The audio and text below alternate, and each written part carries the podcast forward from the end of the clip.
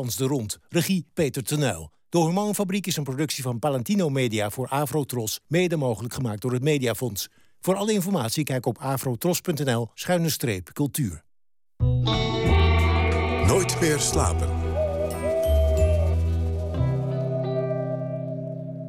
Ja, goedenacht. Welkom bij Nooit meer slapen. We waren al even in de lucht om 12 uur, maar nu dan weer eh, voor, een, eh, voor de eigenlijke uitzending. Tot aan één uur is Emma Curvers hier te gast. Zij schreef de roman Iedereen kan schilderen, haar debuut. En dat gaat over de 20-jarige Iris die vrede probeert te vinden met een gezinsleven waarin haar vader alle aandacht opeist. Hartelijk welkom nogmaals. Dankjewel. Uh, ter introductie van jou, je bent ook bekend als publicist in onder andere de Volkskrant, als hoofdredacteur van het filmplatform Cineviel en als columniste voor Folia en CEP Magazine, als ik het goed heb. Ja, klopt. Um, ja, dat boek dat er nu ligt is dus je debuut. Heel spannend, roman. Heel spannend. Over die vader die gebukt gaat onder een veelheid aan psychische klachten en die zich gestoord gedraagt en eigenlijk een heel gezin in de ban houdt. Een vrouw, zijn echtgenote en twee dochters. Kan je iets noemen van wat hem kenmerkt eigenlijk? Wat maakt die gekte uit? Kan je er iets van noemen? Nou, die gekte is, is vrij complex. Want uh, als je een beetje gek bent, uh, houdt het niet uh, altijd op bij één aandoening. Dus hij heeft, nou, ik som het even op: depressies, psychoses, koopziekte, hypochondrie. Hij sloopt nogal graag dingen.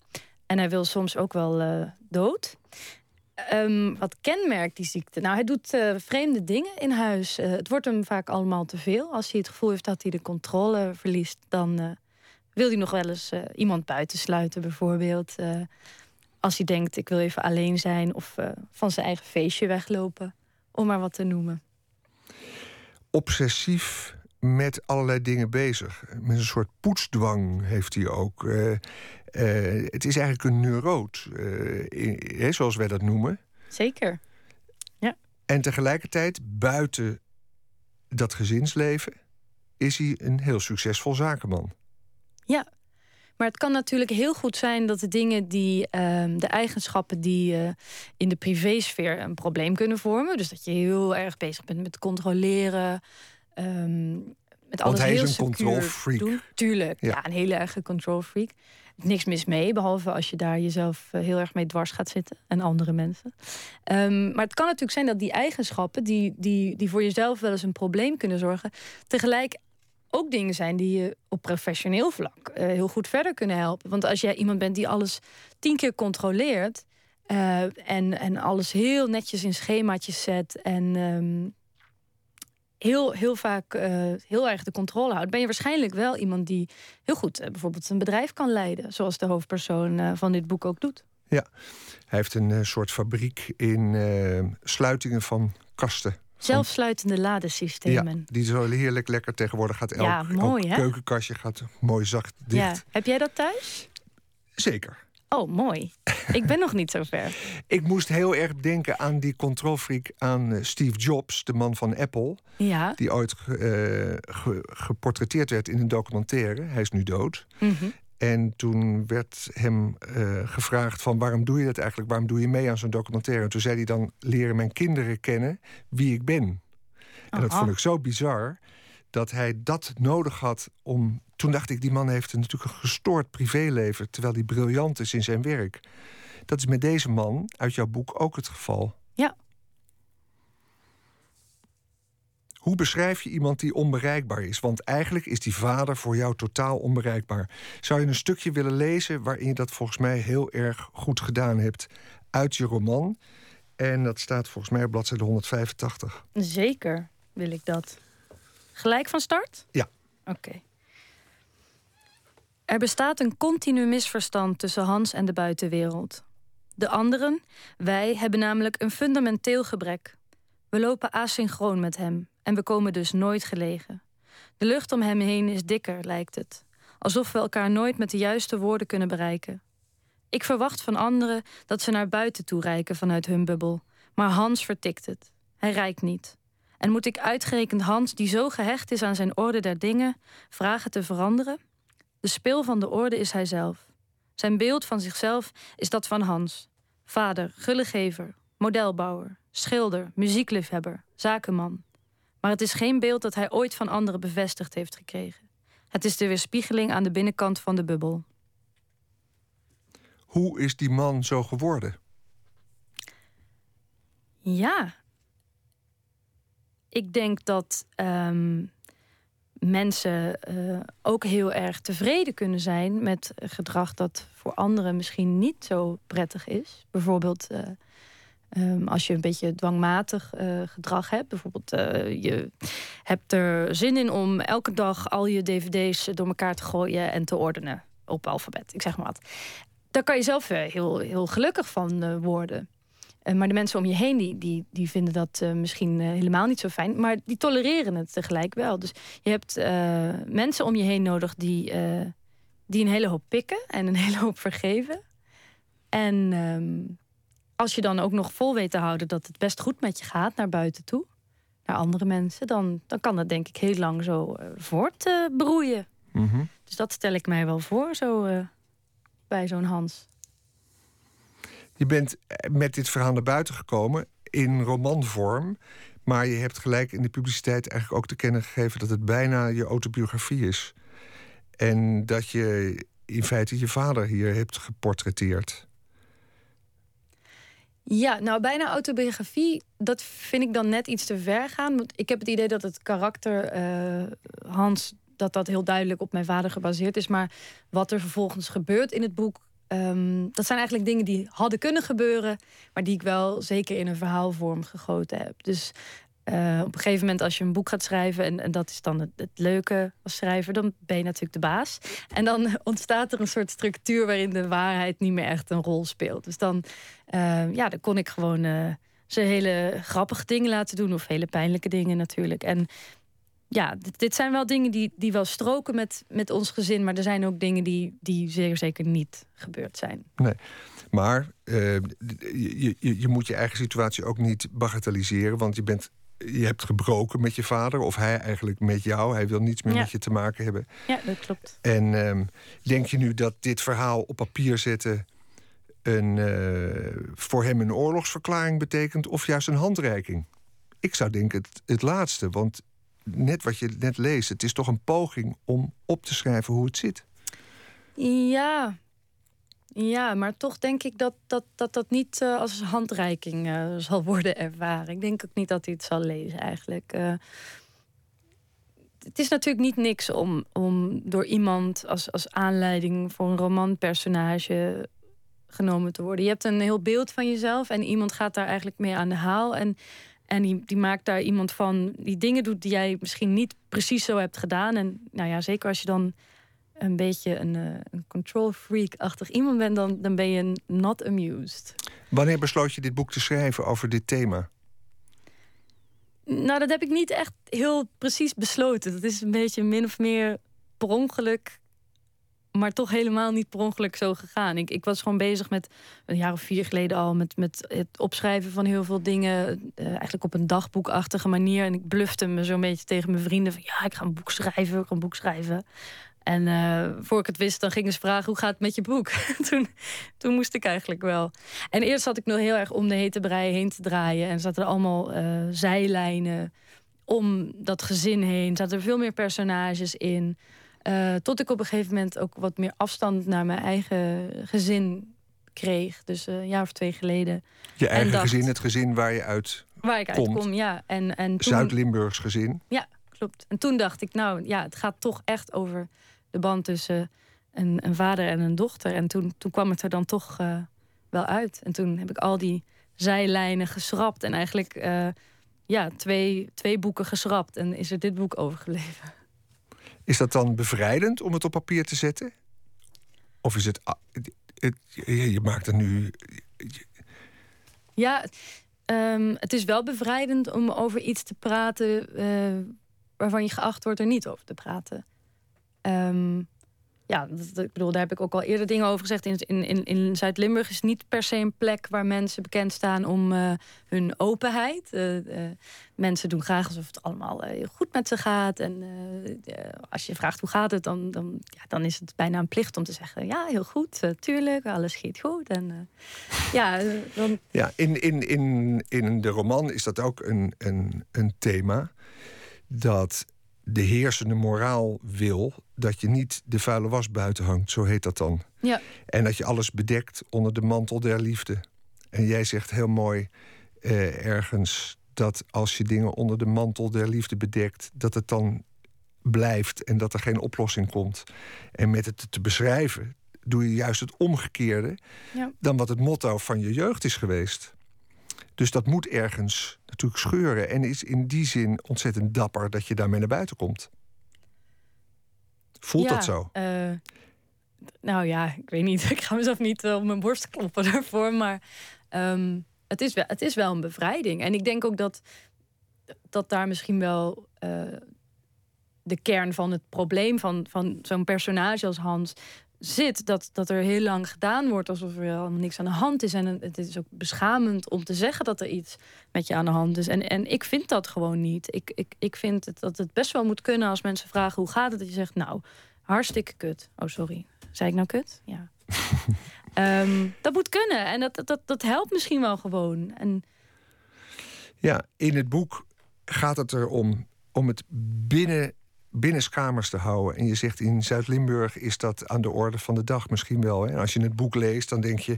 ja, in heel veel gezinnen is huiselijk geweld aan de orde. Zijn verschrikkelijke dingen. Deze man ook, die eh, wordt ook af en toe agressief. En je houdt je hart vast, staat niet voor hem in. Dat hele gezin bestaat ook uit twee meisjes van... nou, de een is twintig, de ander scheelt een paar jaar. Ja. De moeder is ook depressief, is van tijd tot tijd suicidaal. En ze treden niet naar buiten. De mantel der liefde. Het is verschrikkelijk. Het is beklemmend en het is beangstigend. Dan denk je als lezer, professionele hulp moet daarbij komen. En daar rekent het boek eigenlijk ook mee af. Want welke therapie er ook genoemd wordt, welke psycholoog er om de hoek komt kijken. Uh, het zijn eigenlijk alleen pillen die uitkomst bieden, lijkt het me. Maar dat is zo'n cynisch beeld. Ben je echt zo somber over de wereld van therapieën en psychologen en psychiaters? Ik ben er niet alleen maar somber over. Ik denk dat er. Uh, er zijn ook wel mensen die. Um, die mij eh, hebben kunnen helpen op bepaalde momenten. Maar ik heb wel een heel aantal ervaringen gehad die, die lijken op die in het boek. Waarbij ja, er gewoon wat in het wilde weg gekletst wordt. Of er heel erg uh, uh, veel afdelingen moeten worden doorlopen. Dat het niet echt erop lijkt dat, dat uh, men erop uit is je te helpen. En dat, dat, dat heeft denk ik wat te maken met die, met die diagnosegerichtheid. Um, en dat werkt bij sommige mensen gewoon niet. Daar moet je echt. Uh, met de diagnosegerichtheid bedoel je dat er een etiket op iemand geplakt moet worden. En dat dat lastig is of dat het eigenlijk leidt tot? Wat bedoel je daarmee? Wat is het bezwaar? Nou, um, kijk, alleen al om door te gaan met een therapie moet uh, je verzekering een idee hebben van wat het behandelplan is. En er kan geen behandelplan zijn als er geen diagnose gesteld is. Dus eh, er moet heel duidelijk en, heel, en ook meteen moet er eigenlijk gesignaleerd worden: uh, dit is er met u aan de hand. En dan komen allemaal checklijsten, die krijg je dan voor je neus. En dan heb je, als je zeven van de tien kruisjes hebt, dan heb je dit. En als je maar vijf hebt, dan heb je dat niet. En dan moet er een andere checklijst bijgehaald worden ja, uh, dat, bij sommige mensen schiet dat gewoon niet op, die aanpak. En dan moet je echt uh, beter bewapend uh, komen. Want de hoofdpersoon van dit boek, Hans, die, ja, die zit gewoon heel complex in elkaar. En ik, ik wil niet zeggen dat, dat niemand in de psychische zorg daar iets mee aan zou kunnen vangen. Maar um, het, het lukt ze in dit boek in elk geval niet. Mm.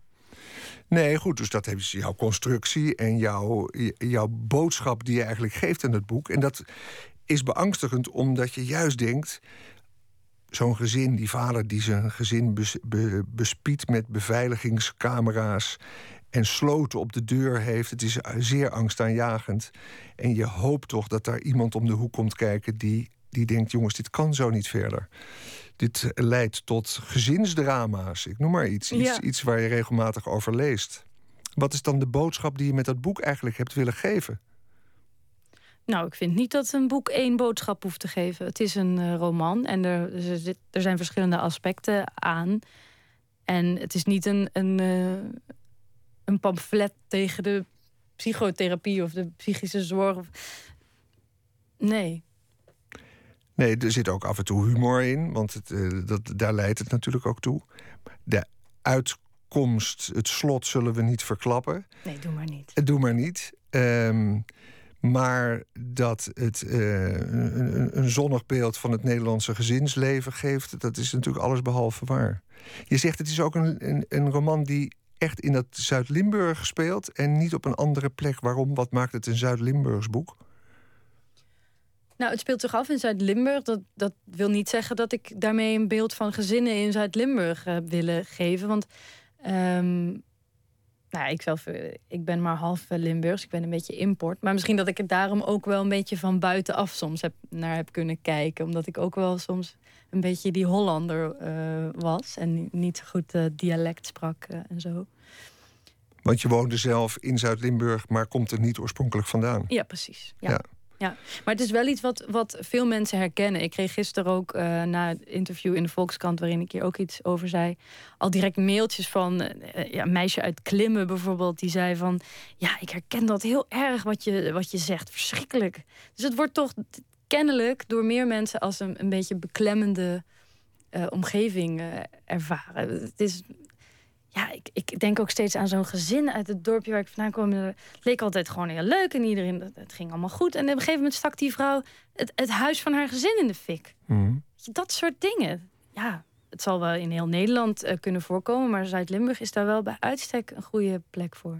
Wat het goede is aan het boek, vind ik, dat het uh, invoelbaar maakt dat een, een meisje, want het, dat is eigenlijk een twintigjarige nog, uit zo'n gezin dat gaat studeren in Amsterdam bijvoorbeeld, toch terugtrekt naar dat gezin. Daar uh, lange gesprekken voert over de telefoon met de moeder. Je zou zeggen, je bent blij dat je op kamers kan en in Amsterdam uh, belandt of ergens anders in, in, een, in een universiteitsstad. En dan kan je eindelijk dat gezin achter je laten, maar zo werkt het niet.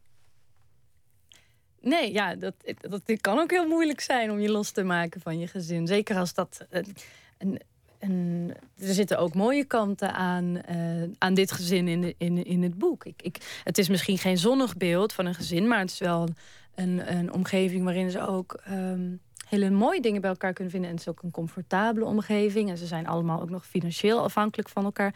Dus ja, het kan moeilijk zijn om dan uh, je zomaar los te rukken en in zo'n wilde stad uh, te gaan wonen als je gewend bent om lekker uit te kijken over een wei met uh, koeien. Dat is iets wat ik zelf ook wel heel erg heb gehad. Hoor. Ja, wat is het mooie van het gezin? Wat, wat, wat, maakt, het, uh, wat, maakt, het, uh, wat maakt het bijzonder? Nou, ze vergeven elkaar wel heel veel. En ik denk toch dat dat, dat, dat is ook een, een, een vorm van liefde. Ze, ze vergeven elkaar heel veel en ze, ze, ze, ze accepteren elkaar wel, ze proberen dat althans. ja. En misschien hebben ze iets gemeenschappelijks en dat is de eigenzinnigheid. Ook de eigenzinnigheid waarmee ze therapeuten tegemoet treden. Ze hebben iets dwarsachtigs, zoals jij nu dwars bent, door het naar buiten te brengen, terwijl het eigenlijk not done is om dat te doen. Ja. Toch? Er zit een soort rare eigenzinnigheid in dat gezin. Ja, oh, dat, ja dat weet ik niet zo goed. Ik. Uh heb ze gewoon maar opgeschreven. Maar niet per se om dwars te, te doen.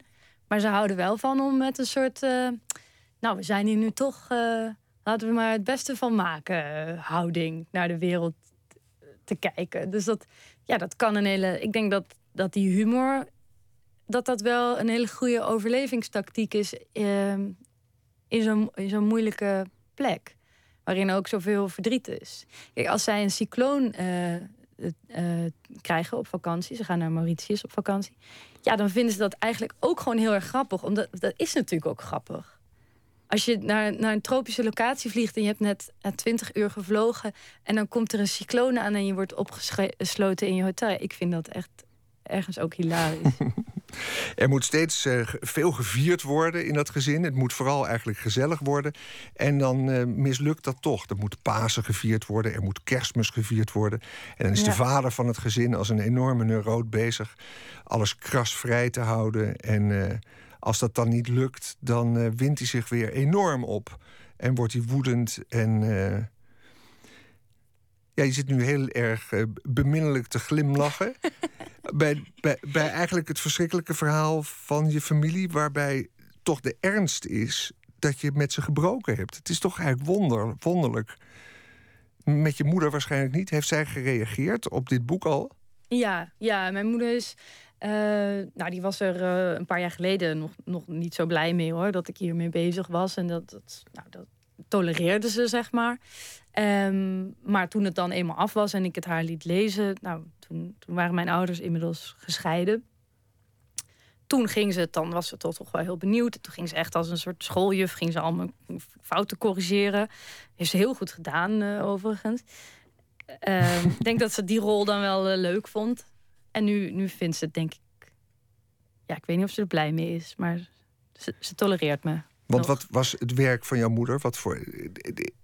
Mijn moeder was um, uh, lerares Frans en Engels. Geweldig. In het boek is het een iets andere functie geworden, geloof ik. Wat is de, de moeder in het boek? Um, zij doet iets administratiefs. Uh, en ze neemt haar werk vooral niet serieus. Uh, want het is eigenlijk een, een afleiding van haar leven binnenshuis. In het boek wordt enorm op zoek gegaan naar allerlei genen in de familie.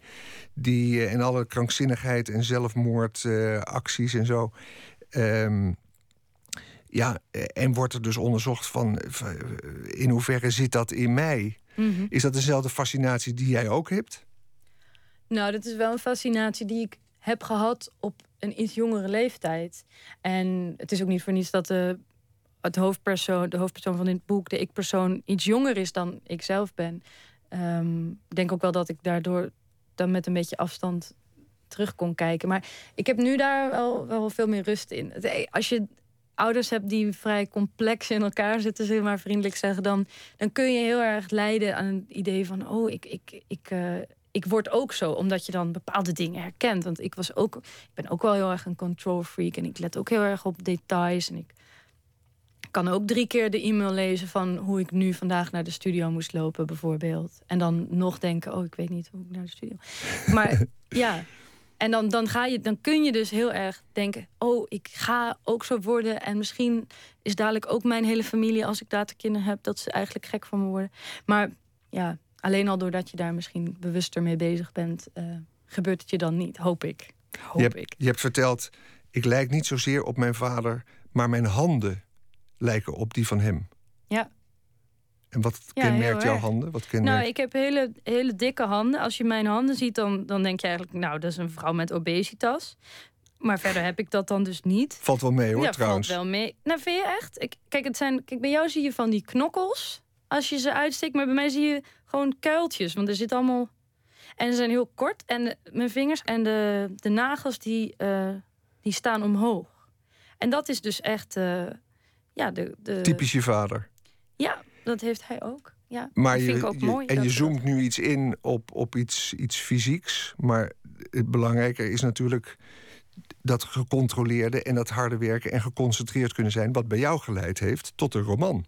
Moet je ook maar net kunnen. Ja. Nou, kennelijk. Nou, ik ben, ik ben ook wel weer heel anders dan hij, want ik ben heel, heel erg ongeduldig. En het is maar net een wonder dat ik dit nog uh, af heb kunnen maken met, met zo, zo weinig geduld als ik heb. Stel dat hij luistert, wat zou je tegen hem willen zeggen? Oh, jeetje. Um, ik hoop dat het goed met je gaat. Ik hoop dat het goed met je gaat. Nou, dat is een prachtig slot. Um, en wie weet luistert hij. Denk je dat hij luistert en jou volgt nu in jouw optredens over dit boek? Nee, dat denk ik echt zeker niet. Dom, dom van vader Emma Curvers. Heel mooi dat je hier was om hierover te vertellen. Het boek, uh, dat ligt hier nu. Dat heet Iedereen kan schilderen. Emma Curvers, een roman uitgegeven bij Atlas Contact. Nogmaals. Goed voor u. mooi dat, je, mooi dat je er was. Straks na het nieuws gaan we verder met het tweede uur Nooit meer slapen. En wilt u ons mailen? Dat kan nooitmeerslapen.vpro.nl. Tot dadelijk na het nieuws van 1 uur.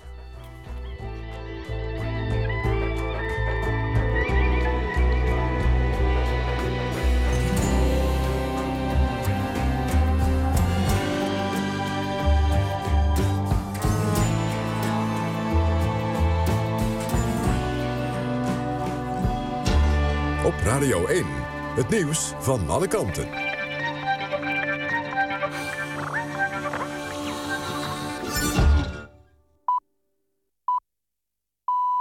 1 uur, Christian Bonenbakker met het NOS Journaal. De aanvallen van de Verenigde Staten op islamitische staat worden volgende week offensiever. Volgens het Pentagon begint er dan een nieuwe fase in de strijd. De zwakheden van IS worden dan uitgebuit, zegt een woordvoerder. Zo heeft de terreurorganisatie geen goede luchtafweer. Ook zin speelt het Pentagon erop dat de leiders van IS worden aangevallen. Met drones wordt ook het IS-gebied in Syrië verkend... ter voorbereiding op aanvallen daar. Tot nu toe beperkte de VS zich op doelen in Irak. Daar zijn tot nu toe 158 aanvallen geweest. Het Amerikaanse leger stuurt extra militairen en materieel naar Irak... om de strijd tegen IS op te voeren. Een tweede hulpconvooi uit Rusland heeft Oekraïne bereikt. Het zijn 35 vrachtwagens. Het is onduidelijk hoe ver ze nu zijn. Mogelijk staan ze in het stuk niemandsland tussen de Russische en de Oekraïnse grenspost. Daar heeft het vorige konvooi eind augustus ook een tijd gestaan. Moskou zegt dat er nog wordt gewacht op een inspectie door het Rode Kruis... en op toestemming van de Oekraïnse autoriteiten. Die hebben nog niet op de komst van het nieuwe konvooi gereageerd. Het is de vraag of ze de vrachtwagens kunnen tegenhouden... want het vorige konvooi kon vorige maand uiteindelijk ook... ongehinderd zonder toestemming doorrijden. In het noorden van het land is het Noorderlicht te zien geweest. Er kwamen meldingen vanaf de Waddeneilanden, de Afsluitdijk en vanuit Friesland. De lucht kleurde daar roze en groen, is te zien op foto's op Twitter. Het noorderlicht ontstaat doordat elektrisch geladen deeltjes vanaf de zon in de atmosfeer komen. Normaal is dat vooral in het poolgebied te zien, maar nu ook zuidelijker. Dat komt doordat de uitbarsting op de zon eerder deze week recht op de aarde was gericht. Volgens Weerplaza was het fenomeen vanaf kwart voor elf s'avonds te zien, maar wel heel zwak. Aan het begin van de nacht draaide het magnetisch veld, waardoor het noorderlicht verdween. Mogelijk komt het later vannacht weer terug. Het weer, vannacht opnieuw nevel, plaatselijk mist. Daarna weer een zonnige dag, maar in het oosten meer wolken. En het wordt een graad of 20. Dit was het NOS Journaal. NPO Radio 1. VPRO. Slapen.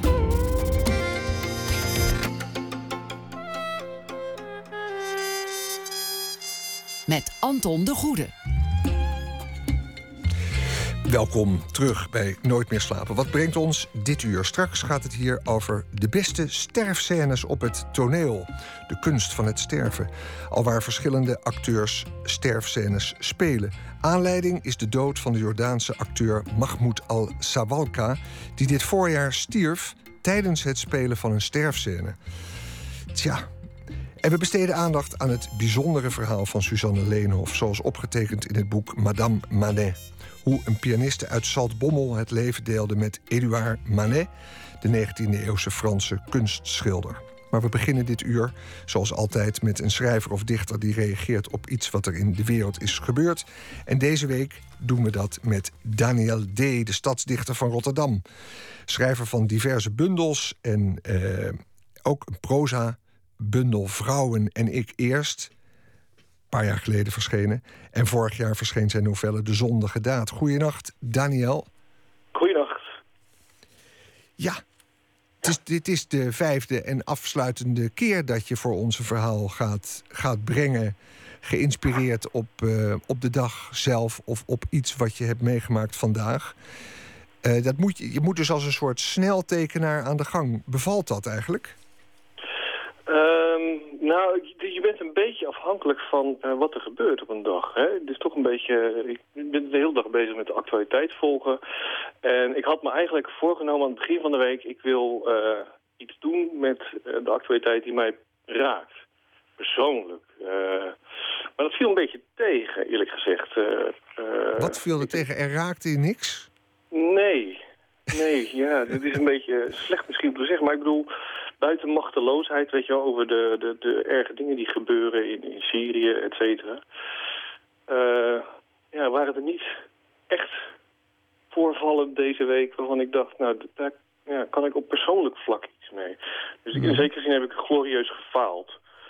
Uh, ja, behalve dan de dingen die me fascineren. Dus ik kon er wel iets mee, maar dan is het toch altijd dat ik gewoon ja, mezelf verbaas over hoe mensen uh, zijn.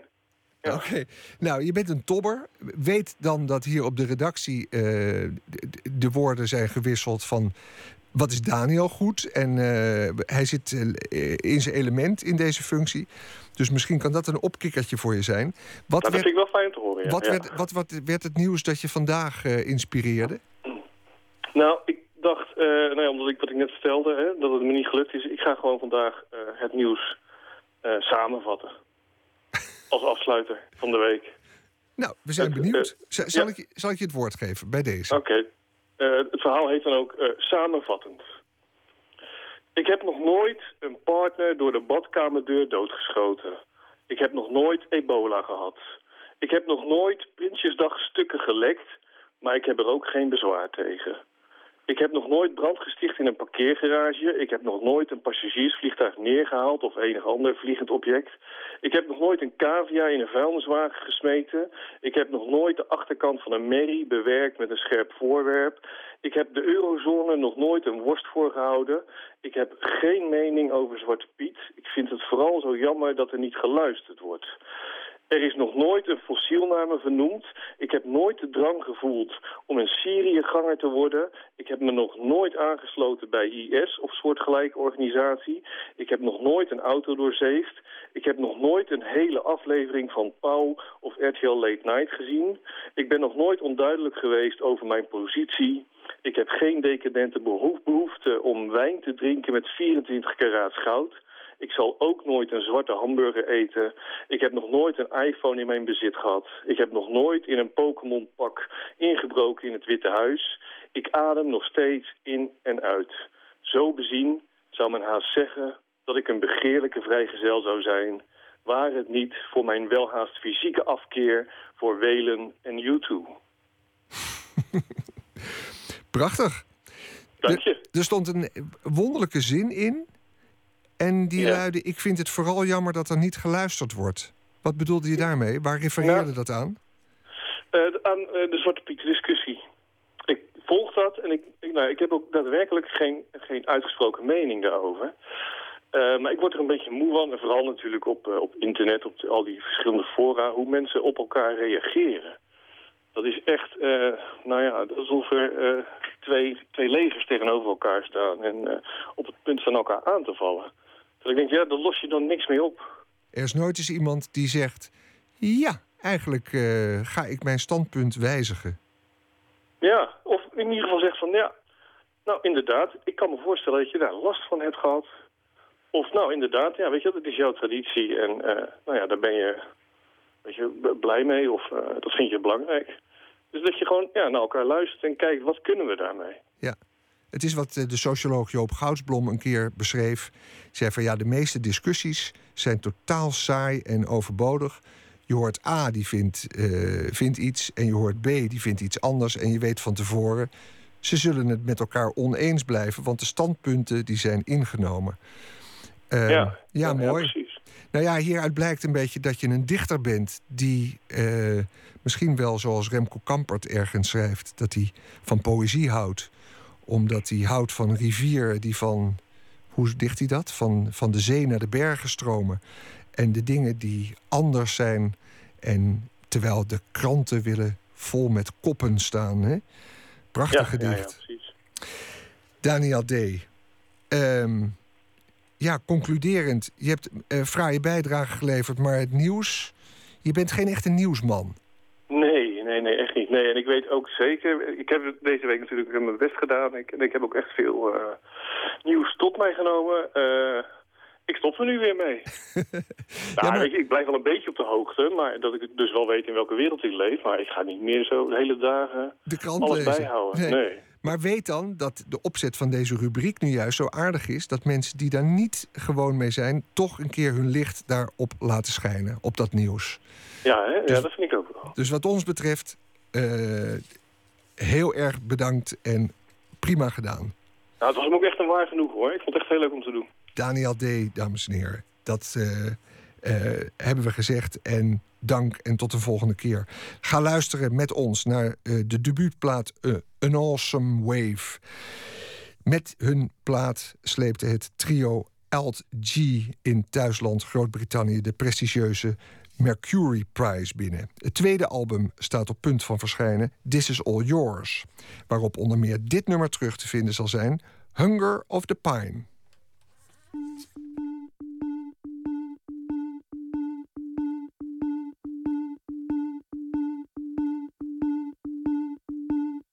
Sleeplessly embracing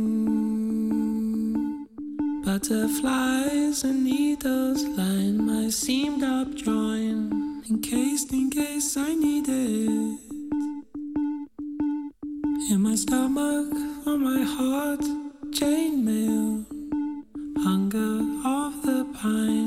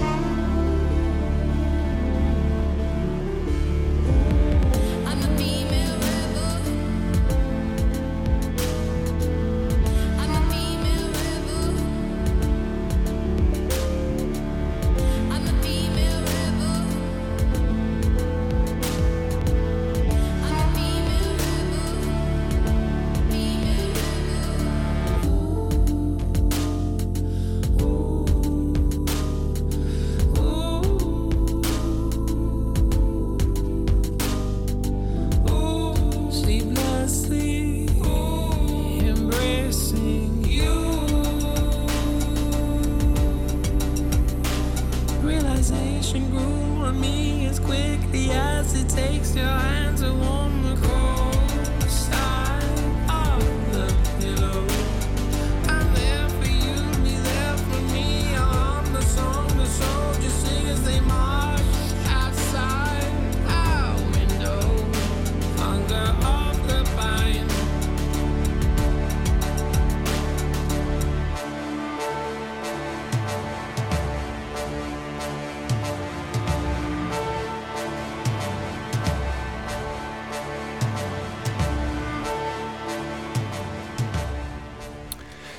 uit Leeds komen ze, de band Alt J. We draaiden de single Hunger of the Pine.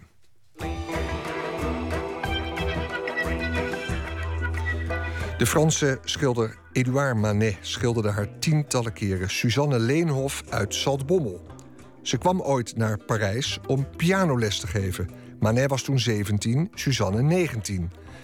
Veertien jaar later was het de beurt aan Manet om naar Nederland te komen. Hij trouwde Suzanne in de kerk van Zaltbommel, nam haar weer mee naar Parijs en bleef tot aan zijn dood bij haar. Beeldend kunstenaar en cultuurhistoricus Ton van Kempen deed samen met zijn vrouw Nicoline van der Beek jaren onderzoek naar leven en liefde van Manet en Leenhof. Het boek dat ze erover schreven, Madame Manet, gaan ze nu in eigen beheer uitgeven. Matthijs Deen zocht Ton van Kempen op.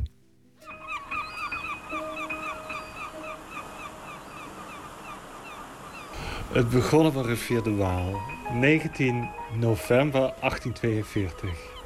En op die dag, het was een zaterdag, die ochtend vertrok de grote Frans-Hongaarse componist, pianist Frans Liszt.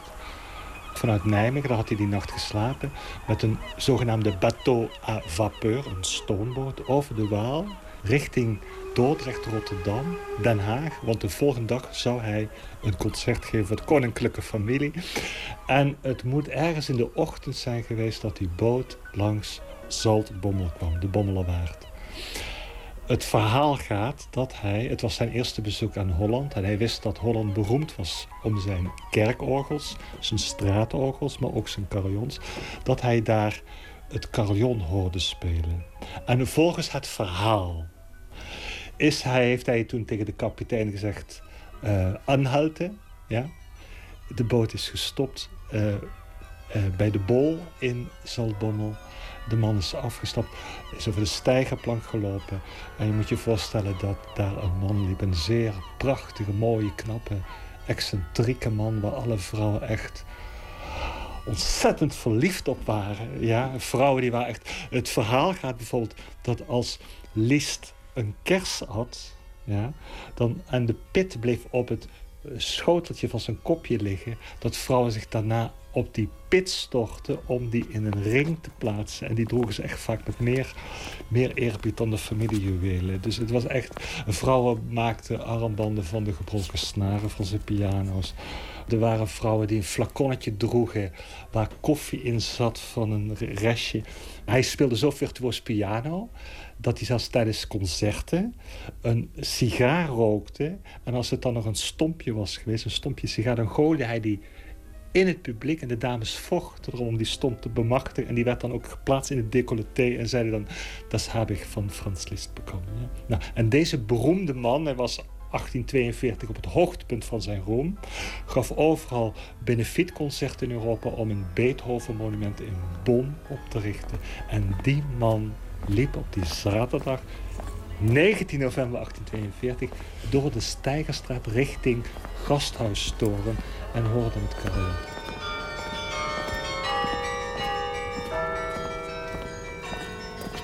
Is de wenteltrap opgeklommen en daar zat meneer Leenhof, de stadsbijldier, organist van de Grote Kerk, de Sint Maarten, en uh, stadsmuziekmeester zat hij daar carillon te spelen. En ze hebben volgens het verhaal, zeg ik nogmaals, is later opgeschreven in de jaren 30 door meneer Van Androoy in het boekje Impromptu. Volgens dat verhaal zou hij kennis hebben gemaakt en toen heeft meneer Leenhof hoogstwaarschijnlijk, dat vermoed gezegd, hebben ze vielleicht Lust in een gute Holländische Kaffee. Nou zijn we samen naar beneden gegaan en zo wou meneer Leenhof, weet ik, woonde in een huurwoning in de Steigerstraat. En daar hebben ze kennis gemaakt met hun dochter, Suzanne. Die was op dat moment 13 jaar oud. Er stond een piano in de woonkamer. Ik weet dat meneer Leenhof ook op een cello speelde. En hij heeft gevraagd of Suzanne iets zou willen spelen. Ja. Ik stel mij voor het Bommelerwaard kennende 1842. Een behoorlijke armoede, Zaltbommel. Voortdurend overstromingen van de Bommelerwaard. Uh, cholera, hongersnood.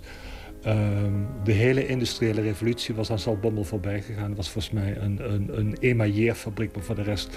er was nog geen verbinding met Utrecht of Sertogenbos... met treinen, stoomtreinen dat daar een, een krakkemikkige piano stond, misschien niet zo geweldig gestemd. En daar heeft hij Suzanne gespeeld. En toen, volgens het verhaal, nogmaals, heeft Frans Liszt gezegd, uh, zal ik iets spelen?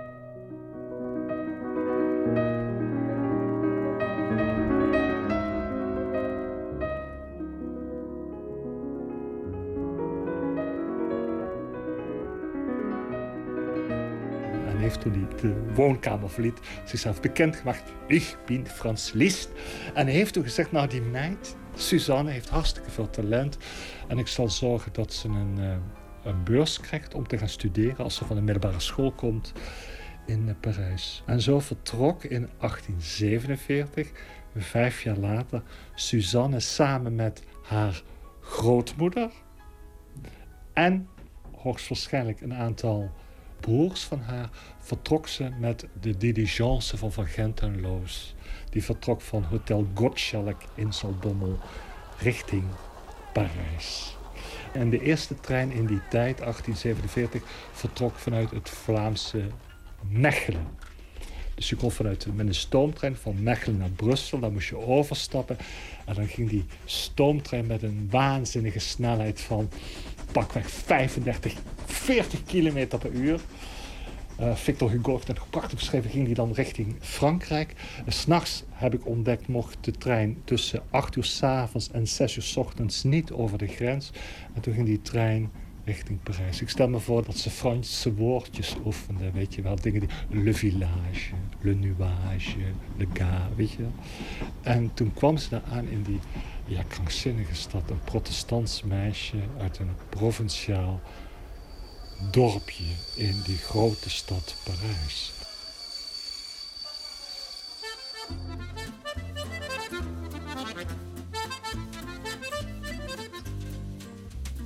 Ik heb ook ontdekt waar ze gingen wonen. In dezelfde straat, dat is opvallend, waar ook de moeder van Frans Liszt woonde. Dan eh, heeft ze zich aangemeld als pianojuffrouw.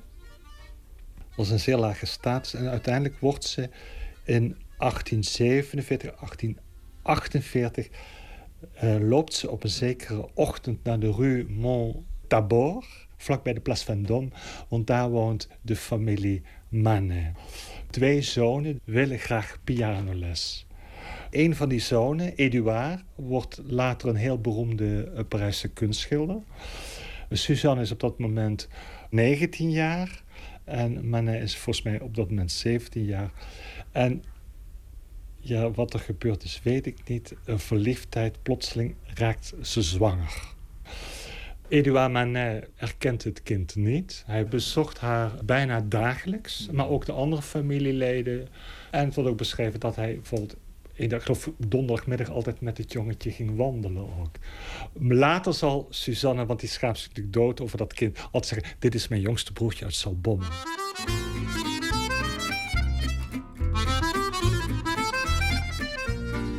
Dus op een zekere dag, moet je je voorstellen, in 1863 heeft hij net de beroemde schilderij Le Déjeuner sur l'herbe geschilderd. Een naakte vrouw met eh, Ferdinand Leenhoff, de broer uit Salbommel. Ja, die later beeldhouwer wordt aan de Rijksacademie in Amsterdam en het Torbekke monument maakt. En ook het monument van Koen in Horen. Ja. Die staat als middenfiguur erop en daarbij ook de broer van Manet.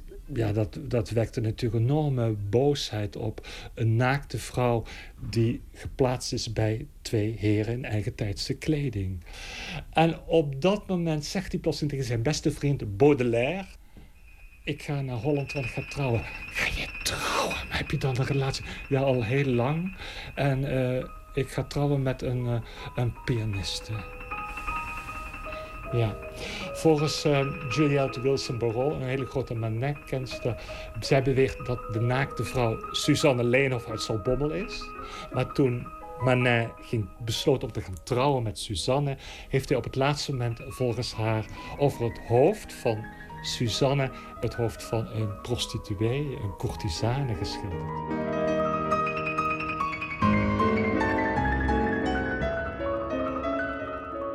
Ze trouwen in oktober in uh, Salbommel. De vader speelt, dat moet natuurlijk fantastisch zijn geweest voor zo'n meid als Suzanne Leenhoff, dat haar vader op het orgel speelde. Ze zijn daar twee, drie weken daarna uh, teruggekeerd naar Parijs. Zijn toen nog verhuisd naar een betere woning. Uh, ze gaan veel op vakantie naar Boulogne-sur-Mer, altijd in de zomer. Manet verveelt zich daar stierlijk, want hij mist dan zijn uh, kunstzinnige gesprekken met zijn vrienden in de cafés in Parijs. Zijn wandelingen met zijn vrienden over de boulevards. Met een laag tempo, geen doel. Gezien wilde worden. Was een beetje een dandy ook in zijn kleding. Hè? Hij werd omringd door de mooiste modellen, de mooiste actrices. Zij begreep waarschijnlijk ook wel... ja, natuurlijk zoekt mijn man mooie modellen uit voor zijn schilderijen. En dat wil ik eigenlijk wel vertellen... dat hij zulke ontroerende liefdesbrieven heeft geschreven... tijdens de oorlog die uitbreekt. Dus in 1870 vindt er een aanval plaats... Uh, uh, vanuit Duitsland, de Pruisisch-Franse oorlog op Frankrijk. Dat is in no time is, de, is, is, het, is het Pruisische leger binnengevallen. En dan wordt Parijs, dus helemaal krijg je het beleg van Parijs... staan de Pruisische troepen gedurende vier maanden 1870, 1871 rond de stad. Suzanne wordt dan met haar zoon en andere familieleden naar een gehucht in de Pyreneeën gestuurd. En dan krijg je een hele mooie briefwisseling. En in die briefwisseling, dat zijn de brieven die heel teder zijn, waarbij hij het ook rooskleuriger voorstelt, beschrijft hij hoe dat dan voor hem is. Maar daarin beschrijft hij ook Suzanne, ik heb al je portretten in mijn slaapkamer gehangen, zodat altijd als ik s'avonds naar bed ga, dan kan ik naar je kijken en s'morgens sta ik weer met je op. Ik hou zo ontzettend veel van Na die Frans-Pruisische oorlog eh, zegt men net tegen Suzanne... ik zou voorlopig maar geen Duitse muziek meer spelen in Parijs. Dat snap je wel. Maar hij krijgt enorm last, steeds meer van zijn linkerbeen. En dat wordt inderdaad zo problematisch dat hij niet echt meer naar zijn atelier kan. En dan schildert hij de meest mooie bloemstenlevens. Waarschijnlijk bloemen die eh, eh, bezoek meeneemt. Maar het wordt echt heel erg de pijn. Hij kan niet meer lopen. Hij stort af en toe echt ook in elkaar. En dan laat hij de notaris komen. En daarin laat hij een testament maken waarin hij schrijft dat hij wil dat na zijn dood al zijn onvoltooide schilderijen en schetsen worden vernietigd. Dan wordt het zo erg dat zijn linkerbeen moet worden geamputeerd. Het verbazingwekkende is dat het gewoon plaatsvond in de keuken van de woning. En dan krijg je het verhaal. Ik vond die brief van Leon die voor mij echt een schok was. Want daarin beschrijft Leon wat er gebeurde vlak nadat zijn peetvader, Edouard Manet, geamputeerd was aan zijn linkerbeen. Want Suzanne zegt dan tegen hem: Leon, kun jij de open haard aanmaken? Het is zo koud. En Leon die verschuift wat houtblokken en ziet dan plotseling achter een van de houtblokken het afgezaagde linkerbeen van zijn peetvader. Hij deinst achteruit pakt dan een, zo'n klem, zo'n metalen klem, neemt dat zwarte been uit de open haard, beschrijft hij. Dat been glipt uit de tang, valt op het tapijt en beschrijft dat de maden over het tapijt kroppen. Later vind ik dan in de Morgan Library ook nog de rekening van de tapijtreiniger daarvan.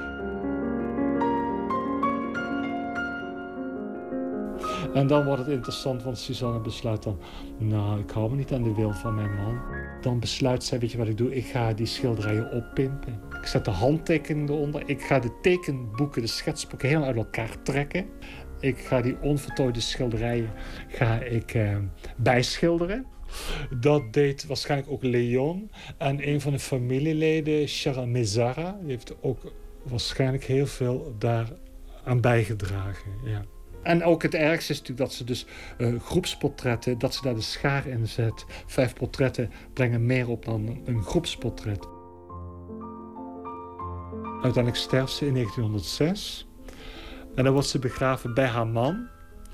En ook de broer van Manet ligt daar begraven. En het leuke is dat Ferdinand Leenhoff, de beeldhouwer, de broer van Suzanne, het prachtige borstbeeld maakt dat daar boven En er vindt op een gegeven moment een strijd plaats waarbij men zegt: eh, eh, wij willen dat Suzanne uit dat graf wordt gehaald, omdat ze het oeuvre van haar man, daar is ze niet juist mee omgegaan.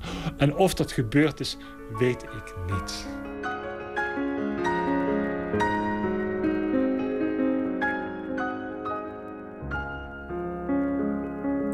Ton van Kempen over het leven van de Zaltbommelse Suzanne Leenhof... met haar man, de schilder Edouard Manet.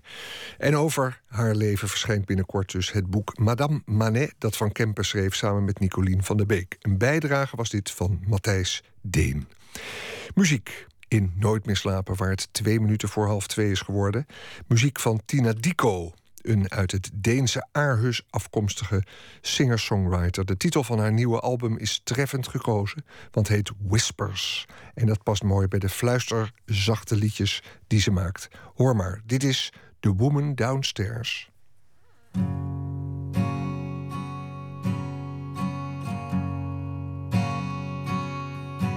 I ceremonially. For she who in my dreams reveals how she longs and she cares.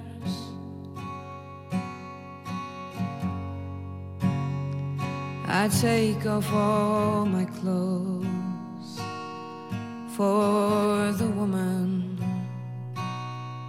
downstairs.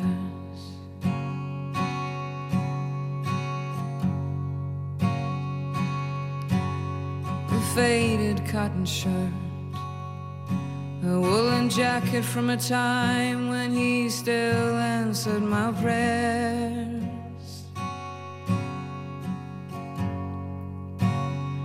I let fall my black armor for the woman downstairs.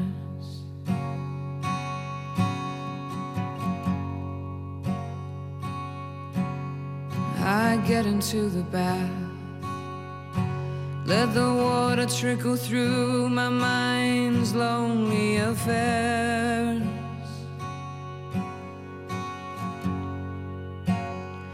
I give my longing body to the woman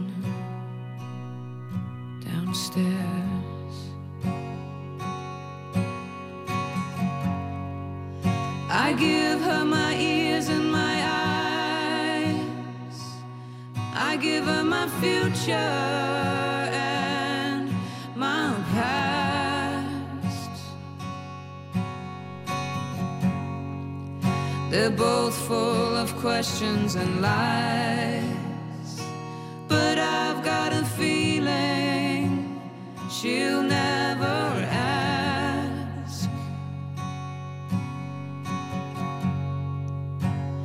Where I'm going, well, I'm going down to the woman downstairs. In my dream, I lay her on a blanket. I'll bury stain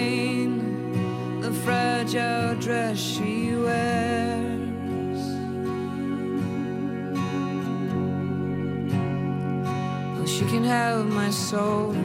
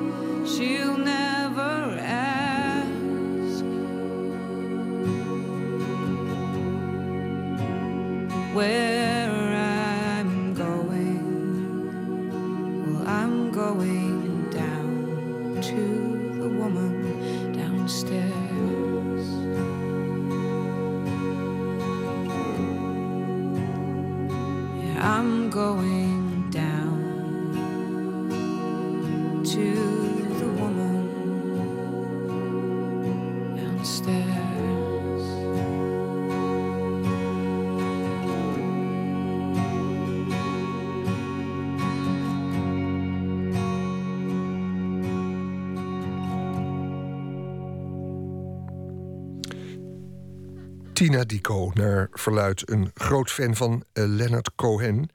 Na dit nummer verbaast ons dat niks. Dit was The Woman Downstairs. Nooit meer slapen. En dan nu in Nooit meer slapen. Iedere vrijdag bellen we voor een culturele tip met een van VPRO's smaakmakers. En dat is dan rond dit tijdstip. En vandaag is dat Ilse van der Velde, redacteur bij de VPRO-gids. Goedenacht Ilse. Goeiedag, hallo. Ja, we hebben jou, we hebben jou gevraagd om eh, ons met een zekere regelmaat op de hoogte te houden van wat er speelt op het gebied van televisieseries. Want dat is ook een beetje jouw specialiteit, film en wat er op de tv is. Ehm, en voordat we jou er een paar van die series uit laten lichten, wil ik je graag de vraag stellen: heb je een verklaring voor het feit dat televisieseries zo'n enorme opmars maken? Althans, lijken te maken. Want ik hoor steeds vaker om me heen dat mensen in de ban zijn van bepaalde serie en dan alles eh, achter elkaar willen, willen bekijken. Hoe komt dat, denk je? Nou, dat komt omdat ehm, er vreselijk veel is gebeurd op dat gebied. Vroeger had je politieseries, je had ziekenhuisseries en je had comedies. En af en toe had je nog een keer een serie die daar bovenuit stak. Zoals All in the Family schiet me nu even te binnen. Ehm, maar het was veel voorspelbaarder. En ehm, er is zo vreselijk veel veranderd in de manier waarop eh, series worden gemaakt. En eh, er wordt vreselijk veel in geïnvesteerd. Er, komt, er trekt ontzettend veel Hollywood-talent heen. Steeds meer grote namen uit de film. Die zien series eigenlijk als een nieuwe manier om verhalen te kunnen vertellen. Kijk, een, een film heeft een tijdspanne van twee uur. Maar een serie, die kan zeven jaar lopen. En als jij een, een cineast bent met... eh, eh, eh, eh, met- dan is zo'n zo'n enorme eh, wijdse ehm, eh, tijdspanne is heel interessant natuurlijk. Ja. In termen van, van, van, van narratief, van het ontwikkelen van personages. Je kunt iemand op zien groeien in een serie gedurende zo'n lange periode. Ehm, nou, dat, dat, is, dat, is, dat is er aan de hand. En ik kan ook nog wel iets vertellen over ehm, wat er dan precies is veranderd in dat hele landschap. Ja, d- voordat je dat doet, ik begrijp dat. Het is dus een markt, er is ook veel geld mee te verdienen. Eh, Het gaat over de grenzen heen, want die series worden vaak geëxporteerd. Zelf was ik verslaafd aan Borgen, eh, moet ik je eerlijk zeggen. Ehm, maar daarbij is het een beetje gebleven omdat mij de tijd ontbreekt. En dat is eigenlijk weer vreemd, want die series, die, die, ja, die vreten tijd. Hebben mensen daar, daar tijd voor om dat allemaal af te spelen? Of is dat ook weer een naïeve vraag? Nee, nee, het is helemaal geen naïeve vraag. Maar eh, ik denk dat, je, dat het ook zo is dat televisie heeft een, een bepaald deel van zijn aantrekkingskracht verloren voor veel mensen. Eh, het, infotainment, eh, ja, hoe opwindend is dat? Als jij kunt kijken naar een tv-serie van een regisseur als Sam Mendes, die, die kennen we van American Beauty bijvoorbeeld, of van Jane Campion van The Piano, die heeft nu een serie gemaakt, Top of the Lake. Eh, of Steven Soderbergh, ehm, eh, die nu met ehm, een nieuwe serie komt. En eh, daar, daar kun je ga, voor gaan zitten wanneer jij, wanneer jij dat wil, wanneer jij zin hebt. Je hoeft niet te wachten op, op dinsdagavond 11 uur. Eh, ja, dat, dat, dat is heel aantrekkelijk. Ja, en het gaat dus ten koste van het traditionele televisie kijken. Het kijken van in de gids, wat is er vanavond? En dan is er een actualiteitsrubriek, et cetera, et cetera. Ik begrijp het. We hebben je gevraagd om enkele series uit te lichten. Eh, Aan jou het woord. Wat moeten we zien? Wat mogen we niet missen?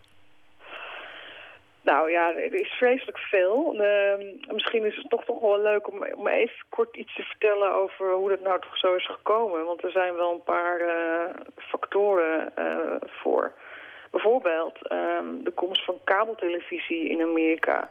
Kabelzenders die hoeven zich niet te houden aan die strenge codes van wat je allemaal wel en niet mag zien aan bloot en allerlei onbetamelijkheden en geweld en zo.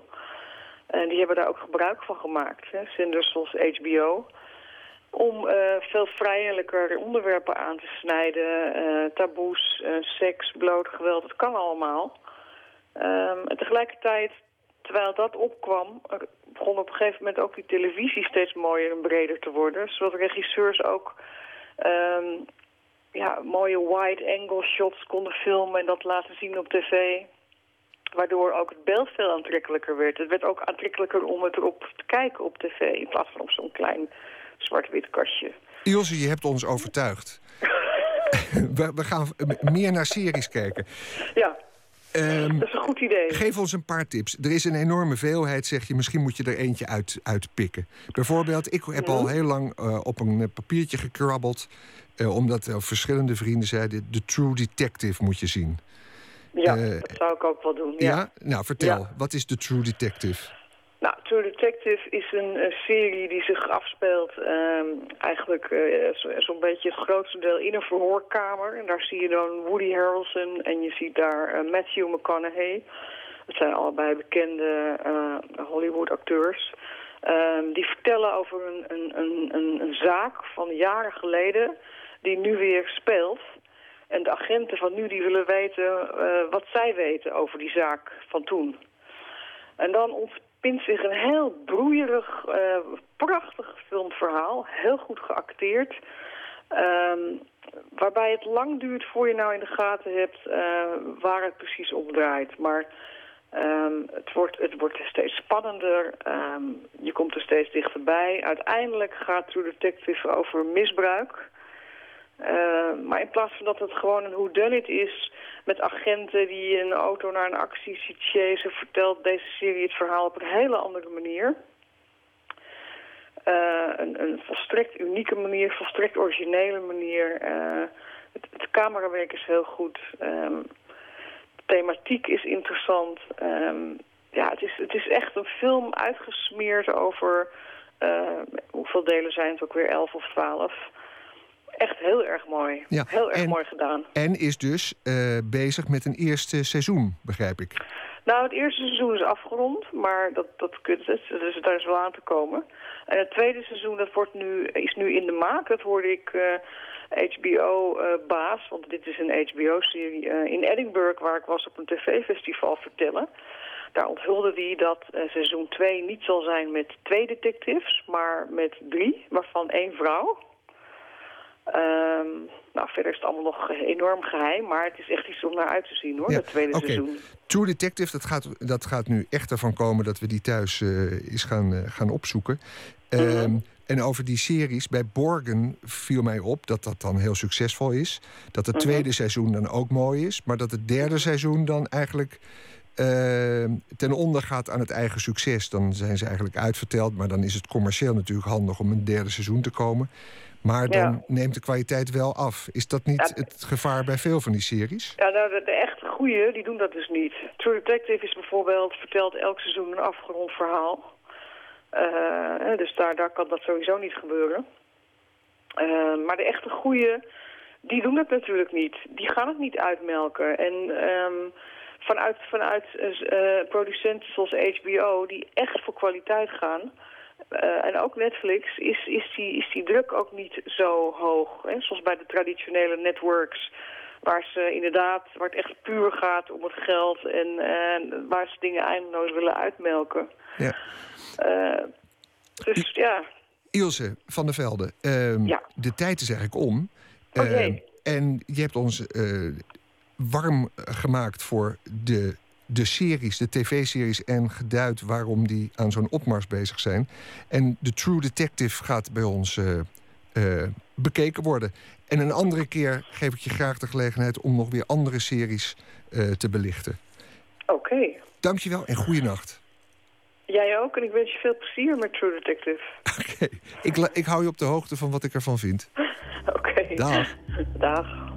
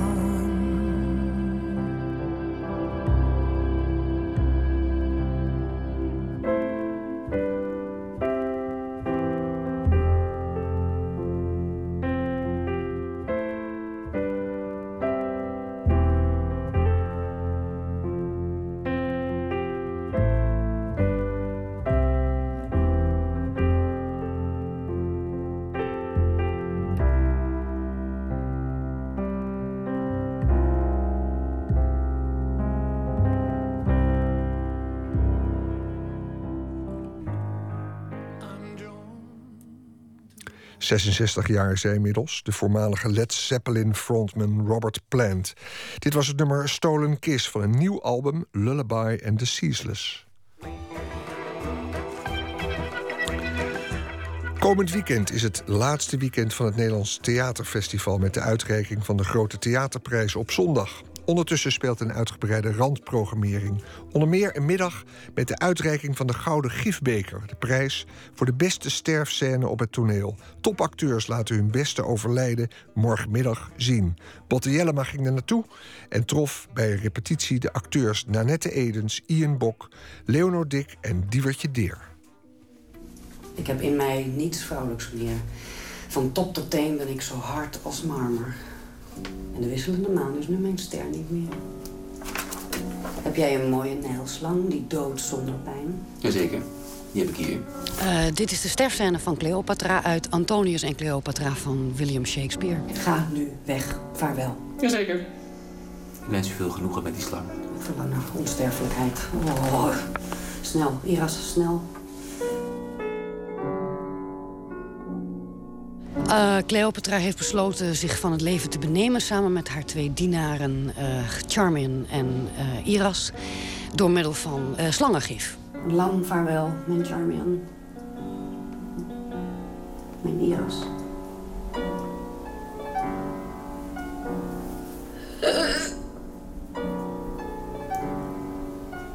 Heb ik de gifslang op mijn mond?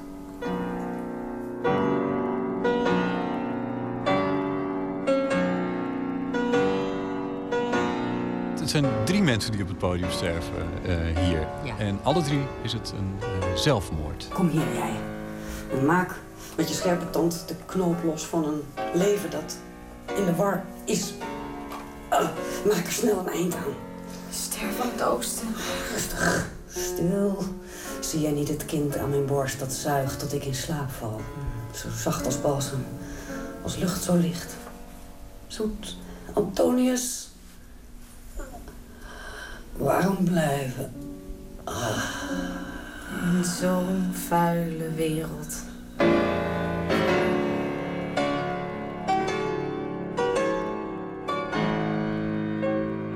Ben je vaak gestorven op het podium? Ik ben eh, drie keer gestorven op het podium. Eén keer door een pistoolschot. één keer door in mijn eigen polsen te snijden. En eh, gestorven van, van levensverdriet. Ja. ja, ja. Ian, jij bent ook een van de acteurs. Jij sterft in deze scène dan niet. Eh, in andere scènes ooit eens wel gedaan? Wel eens in coma gelegen, dat ik in de hemelpoort was ook. Een serie over Kruif, dat ik een hartaanval. En in eigen theater gemaakt heb, dan eh, sterf ik heel veel eigenlijk. Maarten Heijmans en ik hebben een voorstelling De Huilende Kerst. En daarin maken we elkaar constant dood. Dus dat, eh, Ah, oké. en het zijn allemaal verschillende personages. Dus eh, ja. En ook verschillende soorten sterven. Ja, door zwaarden, door pijlen, door gif. Door... Waarom? Eh, ja, maar dat, dat het heerlijk is om een, een, een- een- verschillende personages, verschillende fysiek te- op verschillende manieren te laten sterven. De ene die dooft prachtig uit, is een klein kaasje. En de andere duivel die gaat met heel veel bomba bombarie en eh, spasme, een kwel, eh, gaat hij naar zijn eind toe.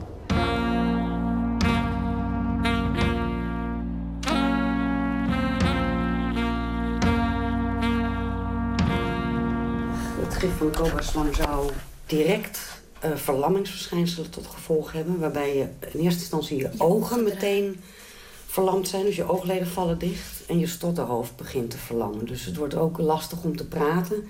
En je ademhaling wordt, eh, begint te stokken. Oh, langzaam. En het, nou, het ene, eh, de ene zegt ja, je krijgt ook enorme spasmen en eh, je gaat kotsen en overgeven. En het duurt wel een uur voordat je dood bent.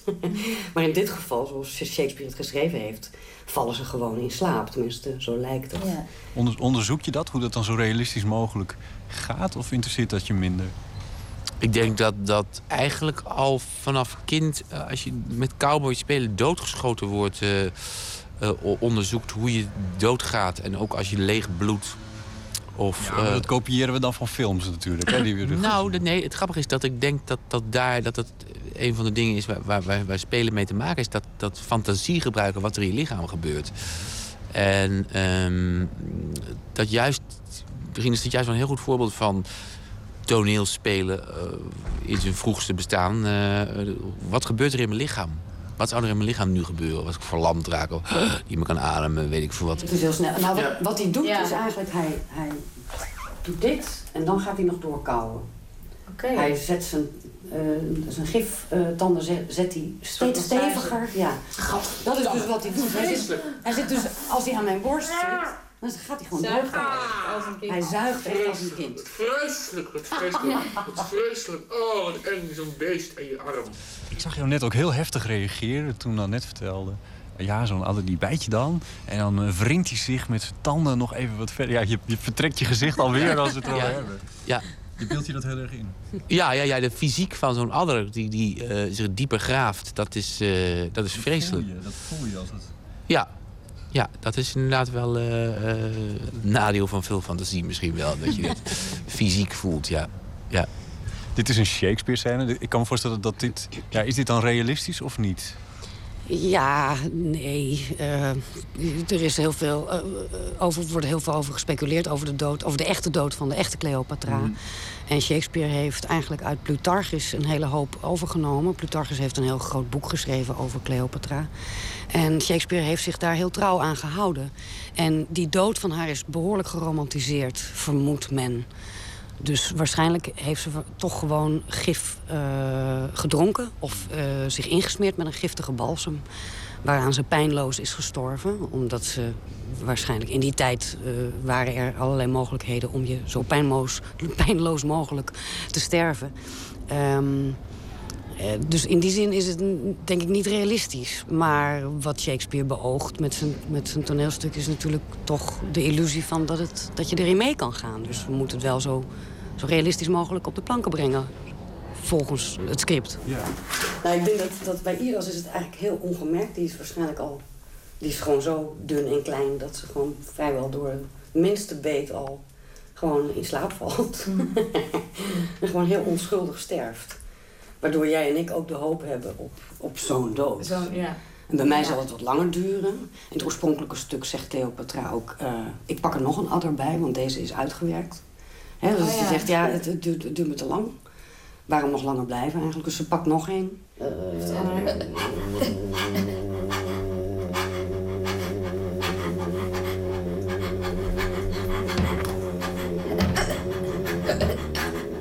Een soort hik. En uiteindelijk wordt het toch dubstep. Maar misschien kun jij een hikje. Zoals in elk theater tegenwoordig dubstep. Ja. Misschien dat we geven elkaar een kus en jij zegt,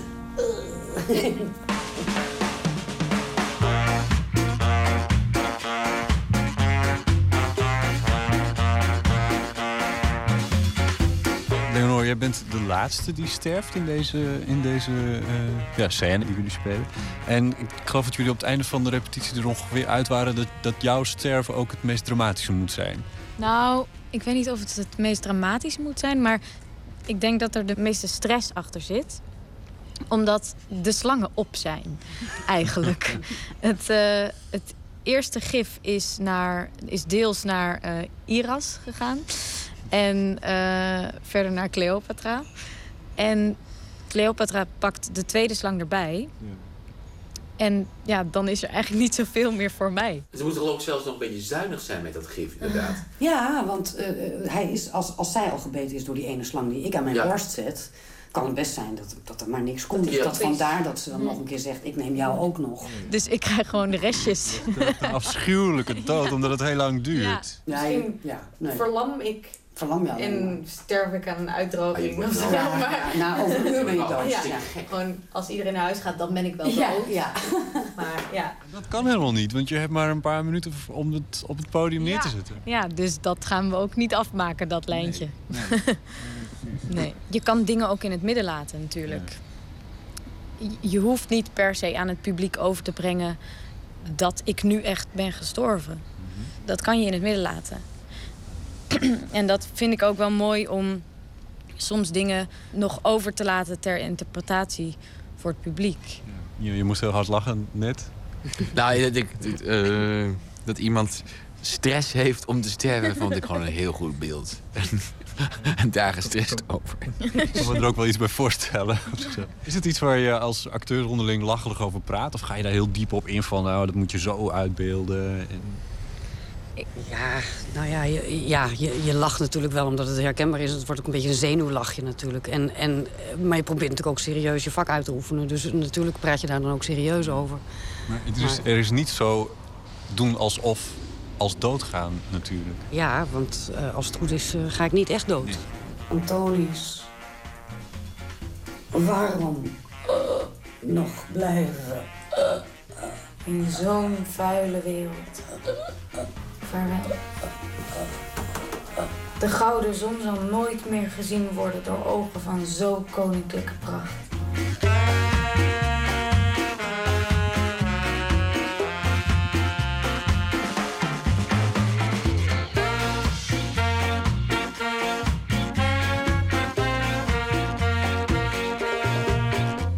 Ik heb een keer in een film eh, dood moeten spelen. Dus eh, niet de ster het sterven op zich, maar het dood zijn. En dan ben je een tijd lang in beeld, terwijl iemand anders om jou heen bezig is eh, te spelen, dat hij zich realiseert dat je dood bent. Dan mag je dus niet met je ogen knipperen, je mag geen adem halen eh, enzovoort. Je moet er wel dood uitzien. Je bent natuurlijk een beetje dood gesminkt, hè, een beetje blekig. En de concentratie die je daarvoor moet opbrengen, dat gaat wel wat verder dan ehm, alleen maar stil liggen. En eh, als je daar dan weer uitkomt, dan... het is bijna een beetje trance-achtig. eh, eh, de concentratie die je daarvoor moet opbrengen is een beetje trance. Hoe lang kan je dat? Want... Heel lang. Ja, dat kan je in principe heel lang. Als je in de juiste flow zit van, van concentratie, dan kan je dat heel lang volhouden. Ik denk dat het bijna met yoga te maken heeft. Je, oh, je, je concentreert je op je ademhaling en je concentreert je op wat er om je heen gebeurt. Waardoor je niet meer zo op jezelf gericht bent van oh, ik moet mijn ogen, oh, oh, als mijn ogen maar niet trillen. Of oh, als ze maar niet zien dat ik toch stiekem ademhaal. Oh, ik heb jeuk aan mijn neus. Dat je al dat soort gedachten allemaal weg kan laten. Als je daarin terechtkomt, dat is heel prettig, moet ik zeggen. Ja, dat is een hele fijne, fijne hoedanigheid. Ik voel het. Ik voel je bijna niet. Het is te laat. Het is goed gedaan. En het past bij een prinses die van veel koningen de laatste was. Ach jij.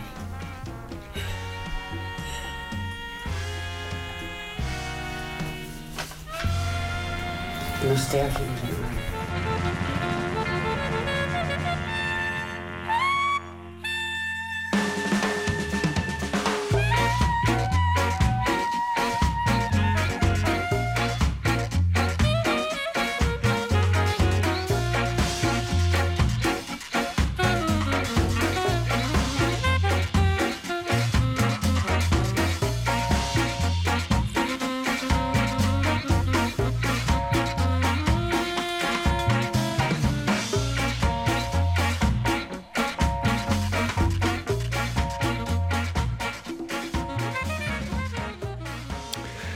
Actrice Nanette Edens als Cleopatra in een scène uit Shakespeare's Anthony en Cleopatra. Ze zal het morgen op de planken brengen tijdens het Nederlands Theaterfestival in Amsterdam. In een programma over de kunst van het sterven. U hoort een bijdrage van Botte Jellema. Ja, tot zover Nooit meer slapen van vandaag. Nog iets over maandag, dan zit Pieter van der Wielen weer op deze stoel... en ontvangt hij cultureel filosoof Rob Riemen. Aanleiding is het 20-jarig bestaan van diens Nexus Instituut. En straks, na het nieuws van twee uur... kunt u op deze zender luisteren naar Woord... met als thema dit keer geld. En wij zien elkaar dan volgende week weer. Dag.